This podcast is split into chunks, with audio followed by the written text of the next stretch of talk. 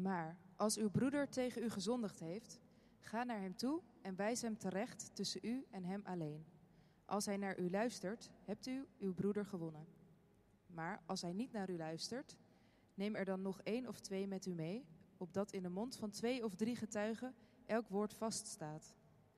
Als hij niet naar hen luistert, zeg het dan tegen de gemeente. En als hij ook niet naar de gemeente luistert, laat hij dan voor u als de heiden en de tollenaar zijn. Voorwaar, ik zeg u, alles wat u op de aarde bindt, zal in de hemel gebonden zijn. En alles wat u op de aarde ontbindt, zal in de hemel ontbonden zijn. Verder zeg ik u dat als twee van u op de aarde iets, wat dan ook, eenstemmig verlangen, het hun ten deel zal vallen van mijn Vader, die in de hemelen is. Want waar twee of drie in mijn naam bijeengekomen zijn, daar ben ik in hun midden. Toen kwam Petrus naar hem toe en zei: Heren, hoeveel keer zal mijn broeder tegen mij zondigen en ik hem vergeven? Tot zevenmaal toe? Jezus zei tegen hem: Ik zeg u, niet tot zevenmaal, maar tot zeventigmaal zevenmaal. Over dit stuk uit eh, Matthäus 18 gaan we samen verder nadenken. Het thema van de dienst is: kunnen we even praten? En waarom dat het thema is, dat wordt uh, hopelijk gaandeweg duidelijk. Meten is weten, zeggen wij. En daarom wordt er in onze wereld heel wat afgerekend. Misschien ben jij zo iemand die eindeloos stuurt naar zijn gemiddelde cijfers, zodat je precies weet wat je te doen staat om straks veilig over te kunnen gaan. Of ben je iemand die nauwkeurig wedstrijduitslagen bestudeert en analyseert van je eigen team of van je favoriete club, ja, om te weten wat er, achter, wat er nodig is om kampioen te worden. Of als het een jaartje wat minder gaat, om niet te degraderen. En in deze coronatijden wordt er ook eindeloos gerekend aan R-waardes, aan besmettingspercentages, aan ziekenhuiscapaciteiten enzovoort enzovoort. Wij rekenen en rekenen alsof ons leven ervan afhangt. Ik weet niet of het je meteen opviel tijdens de Bijbellezing, maar ook in Matthäus 18 wemelt het eigenlijk van de getallen in dat vrij korte stuk. 100, 99, 1, 2, 3, 7, 70. Het komt allemaal voorbij. Maar waarom eigenlijk? Het koninkrijk van God hangt toch zeker niet aan elkaar van gemiddeldes, van scores en van rekenmodellen? Nee, dat gelukkig niet. In het koninkrijk van God wordt niet gerekend, maar wel geteld. God telt. En hoe? Heeft God een voorkeur voor grote getallen? Dat is een goede vraag. Wij denken dat misschien wel snel. Bijvoorbeeld als we kijken naar gemeentes. Een goede gemeente is een grote gemeente. En een grote gemeente, dat is per definitie voor ons een goede, succesvolle gemeente. 100, dat is toch wel het minste. En we kijken ook geboeid naar plekken en kerken die ook in deze tijd groeien. En als het ergens een poosje wat minder gaat, ja, dan hebben we ook nog wel een bemoedigend woord klaar liggen. Dat is die ene tekst die ook uit dit kleine stukje voorkomt. Waar twee of drie in mijn naam samen zijn, daar ben ik in het midden. In alle eerlijkheid heb ik die Bijbeltekst ook wel vaak zo in dit kader een beetje gelezen en gebruikt. Ik leid ook wel eens avonddiensten voor tien of twaalf mensen. En dan bid je samen en dan popt zo'n gebed, zo'n tekst al heel snel op in je gebed. Tien of twaalf. Heere God, het lijkt nauwelijks de moeite. U voelt zich misschien ook wel meer op uw gemak tussen de grote massa. Maar alstublieft, bij twee of drie bent u toch ook? Nou, als dat de betekenis van deze woorden zou zijn, waar twee of drie in mijn naam samen zijn, daar ben ik in het midden, ja, dan zitten jullie hier in Gouda natuurlijk gebakken, hè? Ik bedoel, ook al zitten jullie nu allemaal thuis. Ik weet dat het hier in normale tijden stampvol zou zitten. Als God bij twee of drie in het midden is, dan is Hij toch zeker bij ons. Maar je voelt al wel een beetje aan de manier waarop ik dit zeg, dat ik van die betekenis eerlijk gezegd niet zo zeker meer ben. Of beter gezegd, ik denk dat die betekenis eigenlijk gewoon op een misrekening gebaseerd is. Want dat is natuurlijk wel het gevaar met getallen. Hè? Getallen geven altijd de schijn van zekerheid en van eenduidigheid, maar je kunt natuurlijk ook misrekenen. Getallen kunnen je blik vernauwen en die kunnen je ongemerkt een hele bepaalde richting induwen. En getallen kunnen ook heel vaak zomaar een bevestiging worden ja, van alles wat je toch al dacht. Maar goed, als je die tekst over twee of drie in mijn naam samen dan niet zo moet lezen, hoe dan wel? Nou, dan moet je kijken naar het kader waarin deze tekst staat. En dat is een heel bepaald kader. Het begint bij vers 15 met een zin van Jezus. Als een van je broeders of zusters zondigt. Daar begint het mee. Met andere woorden, dat gebeurt dus. Jezus gaat daar gewoon van uit. Daar moet je dus niet gek van opkijken, blijkbaar. Dat is alleen maar een kwestie van afwachten. Broeders en zusters in christelijke gemeenschappen, ook in die van jullie, ook in de gemeente waar ik werk, waar dan ook maar in de wereld, broeders en zusters zondigen tegen elkaar. Dat is gewoon een feit. We doen elkaar tekort, heel vaak. We begrijpen elkaar niet, heel vaak. We maken soms keuzes waarbij we anderen in verlegenheid brengen. We hebben soms meningsverschillen die maar moeilijk uit te leggen zijn. En soms, soms maken we ook nog gewoon ordinair ruzie. Samenleven als christenen in een gemeente is echt niet altijd roze geur en maneschijn. Tussen twee haakjes. Dat is niet meteen een bewijs van het feit dat de kerk niet deugt of dat het evangelie een vergissing zou zijn. De kerk is er niet om ons een leven te garanderen waarin er nooit iets fout gaat. Er gaat altijd iets fout. Maar het punt is, wat doe jij als er iets fout gaat? Daar gaat het Jezus om in dit stuk.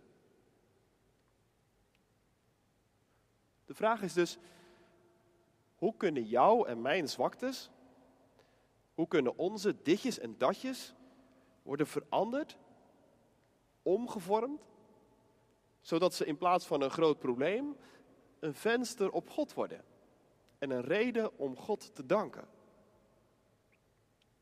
Hoe kan te midden van al ons dagelijkse gedoe het evangelie zijn kracht laten zien en zijn werk doen? Daar gaat het Jezus om. En hij vertelt ook met een opvallende gedetailleerdheid hoe je dat kunt aanpakken. Ga erop af, zegt Jezus. Als je iets hebt, als er iets is tussen jou en een ander, hoe klein misschien ook, krop het niet op, maar ga erheen. Ga niet eerst bij een ander over die ander een beklag doen, dan maak je het veel te groot. Nee, hou het eerst klein en hou het onder vier ogen. En stel simpelweg de vraag: kunnen we even praten? Let op, onder vier ogen dus.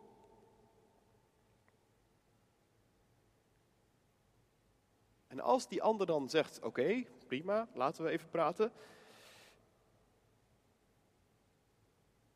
Dan kun je zeggen iets als, joh, ik merk dat je altijd heel erg laat reageert op mijn mails. Dat geeft zo het gevoel dat ik er niet toe doe voor je. Of, joh, je sprak mij laatst ergens op aan, hè? Maar je leek eigenlijk helemaal niet geïnteresseerd in de manier waarop ik er naar kijk. Of, Joh, ik hoor als het hier en hier over gaat in jouw toon, in jouw stem, altijd een soort grimmigheid komen. Waarom?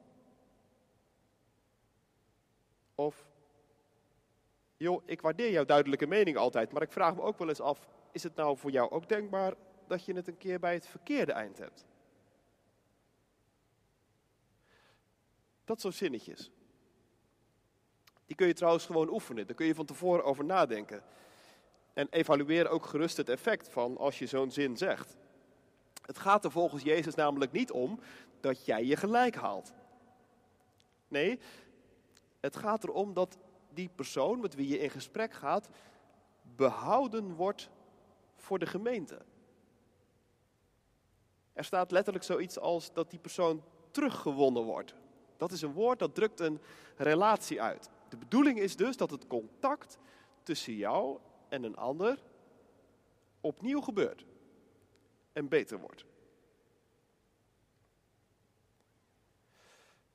Maar soms loopt het toch anders, ondanks je goede bedoelingen.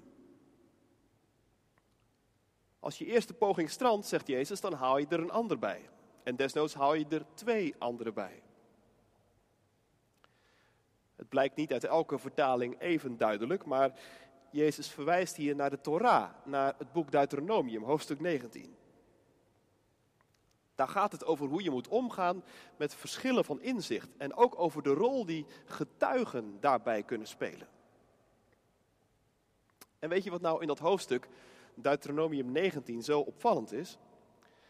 Het opvallende is dat het met die getuigen die je erbij haalt twee kanten op kan. En dat is heel belangrijk. Een getuige moet je volgens de Torah altijd zien en er ook bij willen halen als een onafhankelijke derde. Dus nooit iemand zoeken die, waarvan je weet dat hij het bijvoorbeeld met jou eens is. Je moet er niet iemand bij halen om de druk op die ander nog maar eens even verder op te voeren. Het kan dus ook zijn dat die getuige die jij erbij haalt en die jullie een poosje aanhoort, dan tegen jou zegt, joh, in alle eerlijkheid, ik geloof toch echt niet dat dit een heel belangrijk punt is. Jullie verschil van mening zou niet zo heel veel energie moeten vragen. Stop hier liever mee. Of die getuige zou ook zoiets kunnen zeggen als, ja, ik begrijp je punt, ik snap ook waarom je mij erbij hebt gehaald. Ik, ik denk ook dat je terecht een punt hebt, maar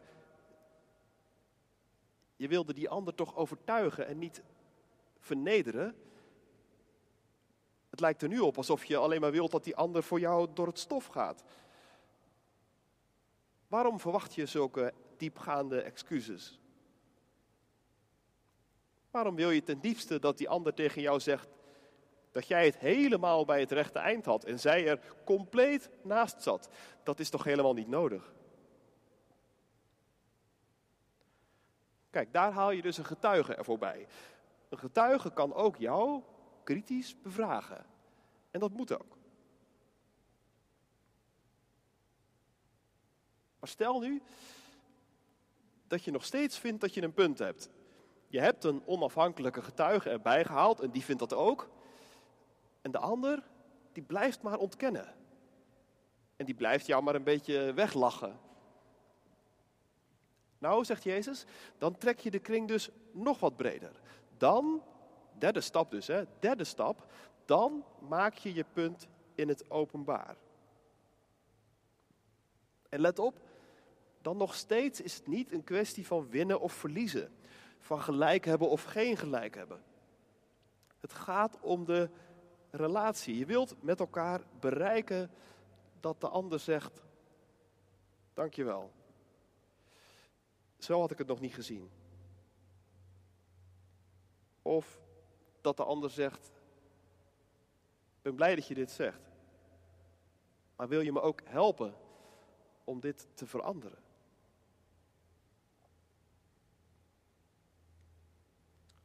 En als zelfs dat niet werkt, zegt Jezus, dan is er nog een vierde stap.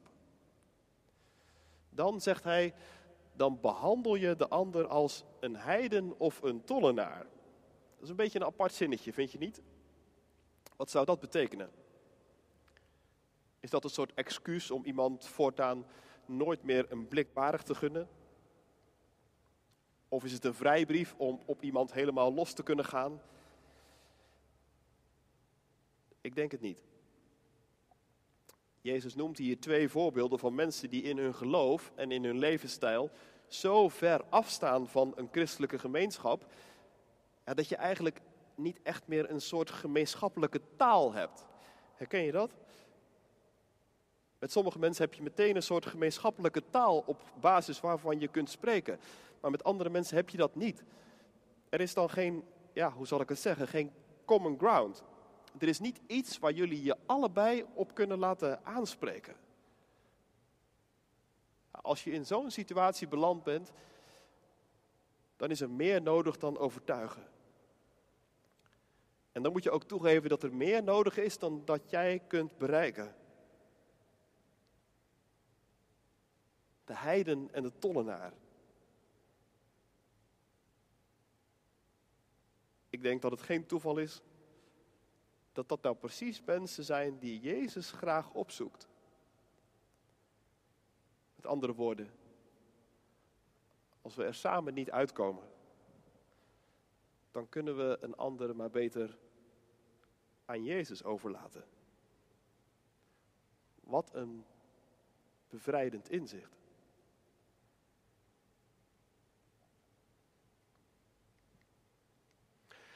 Nu ja, dat lijken me dus heel heilzame woorden van Jezus op deze zondagavond. Zeker in een tijd van een taaie lockdown, waarin iedereen met de dag meer moe wordt. En, en de lontjes korter en de tenen langer. Kans op confrontatie genoeg dus. Maar in het licht van Matthäus 18 ook juist een kans om te oefenen in een omgang met elkaar die uit is op contact en op relatie. En als het spannend wordt, een kans die, een kans die je krijgt om aan herstel te werken. Of verdieping van een relatie. Jezus nodigt je dus uit met deze woorden om de weg van verzoening te gaan. Gewoon in het alledaagse leven. En zulke soort confrontaties, hoe klein ze ook zijn, die doen er dus toe. Er is eigenlijk geen enkel stukje in het evangelie waarin Jezus zulke gedetailleerde stappenplannen geeft over hoe te handelen, zou je kunnen zeggen. Blijkbaar raken we hier in al de eenvoud toch aan iets heel wezenlijks. Het gaat hier dan ook over verzoening. Dit soort kleine situaties, als je daar in de weg van het geloof gaat, de weg van, van Jezus, de weg die de geest ons wijst, dan bouwen die de kerk. En dan vormen ze je karakter. En dan doen ze je ook groeien in geloof. Op dit soort momenten krijg je van God de kans om het evangelie een echte levende werkelijkheid te laten worden in je leven. Dit zijn de momenten waarop het evangelie zijn kracht kan bewijzen in jouw leven. En als je dat nog niet genoeg vindt, dit soort kleine momenten en de manier waarop wij daarmee omgaan, die hebben ook nog eens betekenis voor God.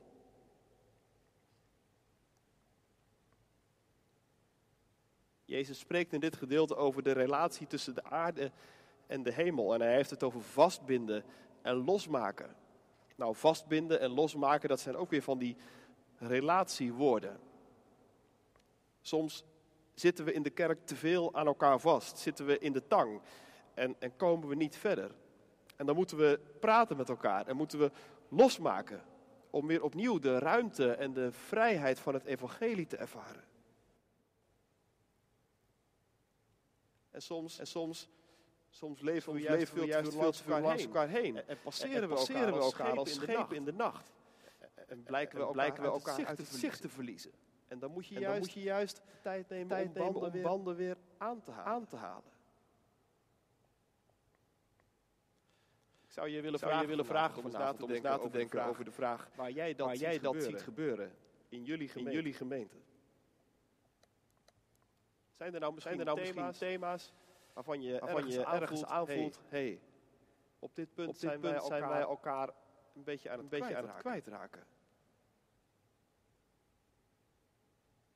Of zie je of juist, zie je thema's, juist waarop thema's waarop jullie elkaar, elkaar misschien wel, misschien wel strak, aan, het strak aan het lijntje houden.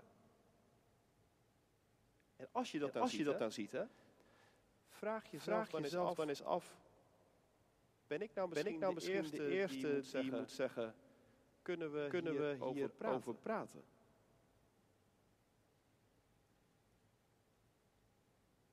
Jezus verzekert ons verzekert dat ons dat er op die weg hele grote dingen kunnen gebeuren. Ik zeg jullie Ik zeg nogmaals, jullie nogmaals, horen we hem zeggen. Wat je ook, Wat je vraagt, ook vraagt, mijn Vader, mijn in, Vader de hemel, in de hemel zal het voor je doen. het voor je doen.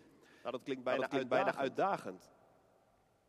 In ieder geval, In is, ieder het geval een is het een uitnodiging. Wie een ander, een opzoekt, ander opzoekt op de manier, op de zoals manier Jezus, zoals dat Jezus hier dat hier beschrijft. En als je dan ook, En als je dan ook nog samen, eens in samen gebed in gaat, gebed gaat, dan mag je dan daar, mag je gewoon daar heel gewoon veel, heel veel van van verwachten. En als je En woorden, als je nodig, woorden hebt, nodig hebt om het punt dat je wilt maken, je wilt duidelijker, maken, duidelijker te maken, vraag dan, vraag dan om. Heb je de moed je nodig, de moed om, nodig sorry, te zeggen? Vraag erom. Vraag erom. Heb je tijd Heb je nodig, tijd om, te nodig om te veranderen? Vraag erom. Vraag erom. Heb je geduld, Heb je nodig, om het, nodig uit, om te het houden? uit te houden? Vraag erom. Vraag erom. Heb je vrienden Heb je nodig, vrienden om, je nodig te om je te steunen? Vraag erom. Vraag erom. Vind je het moeilijk om in een gesprek de juiste tone of voice te kiezen? Misschien wel de broodnodige humor of lichtheid, dat kan ook enorm helpen, juist in dit soort situaties. Vraag erom. Vraag erom, zegt Jezus. Want, en dan komen we bij die woorden van het begin, waar twee of drie mensen zo in mijn, naam, samen, zijn, samen zijn, daar, daar ben, ik zelf, in, het in het midden. Twee of drie. Nou, je voelt dus wel, die tekst heeft helemaal niets te maken met de omvang van een christelijke gemeenschap. Het is dus helemaal geen kwestie van aftellen. Zo van, helaas zijn we nog maar met twee of met drie, maar gelukkig er is nog steeds een kans dat Christus in ons midden is. Nee, het is juist een kwestie van optellen. Eerst was er die ene met wie jij eigenlijk in gesprek had gemoeten. Maar hij was alleen, zij was alleen. Allebei durfde je eigenlijk niet en je passeerde elkaar lange tijd als een schip in de nacht. En toen nam je het initiatief om hem of haar op te zoeken en te zeggen: Kunnen we misschien even praten? Vanaf dat moment waren jullie niet meer alleen en was je met z'n tweeën. Toen bleek gaandeweg dat je nog iemand anders nodig had. Een derde, om voor beide partijen nog hier en daar wat te verduidelijken. Toen waren jullie met z'n drieën. En gaandeweg, gaandeweg kreeg je al pratend meer oog voor elkaar, meer oor voor elkaar. Je begon elkaar beter te begrijpen. Je merkte dat die ander toch anders was dan je altijd dacht. En je kreeg ook zicht op waar je zelf nog wel wat tekorten had. En samen gingen jullie in gebed. En je merkte, Hij is erbij. Hij is in ons midden. Twee of drie in mijn naam samen.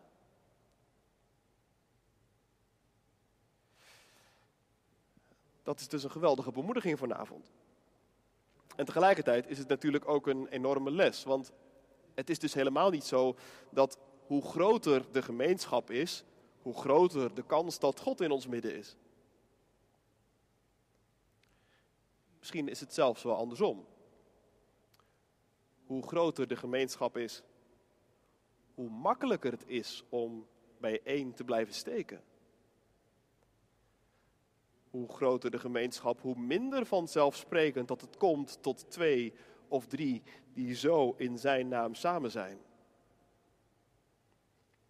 Want zo, met twee of drie op elkaar betrokken zijn en elkaar zo intiem en nabij het evangelie verkondigen, daar is ook echt wel moed en durf voor nodig. Vandaar dat die laatste woorden, daar ben ik in het midden, zo'n ontzettende bemoediging zijn. Want dit soort ontmoetingen, twee of drie in mijn naam, dat is precies waar Jezus voor gekomen is. Daarvoor is Hij in ons midden gekomen. Daarvoor heeft Hij geleden. Daarvoor is Hij gestorven. God zelf is dit soort ingewikkelde ontmoetingjes niet uit de weg gegaan. Hij had dat natuurlijk best kunnen doen. Hij had ons in onze wereld ook heel rustig op zijn beloop kunnen laten. Maar dat heeft hij niet gedaan. Helemaal aan het begin van de Bijbel neemt God al iemand onder vier ogen. Adam, zegt hij, waar ben je? En later Abraham, Mozes, David, Elia, Paulus. Nog veel meer mensen die God onder vier ogen neemt. De Bijbel staat vol van gesprekken onder vier ogen. En in Jezus doet God het dieper dan ooit. Oog in oog komen met jou en mij, met ons. En tegen ons zeggen, waar ben je?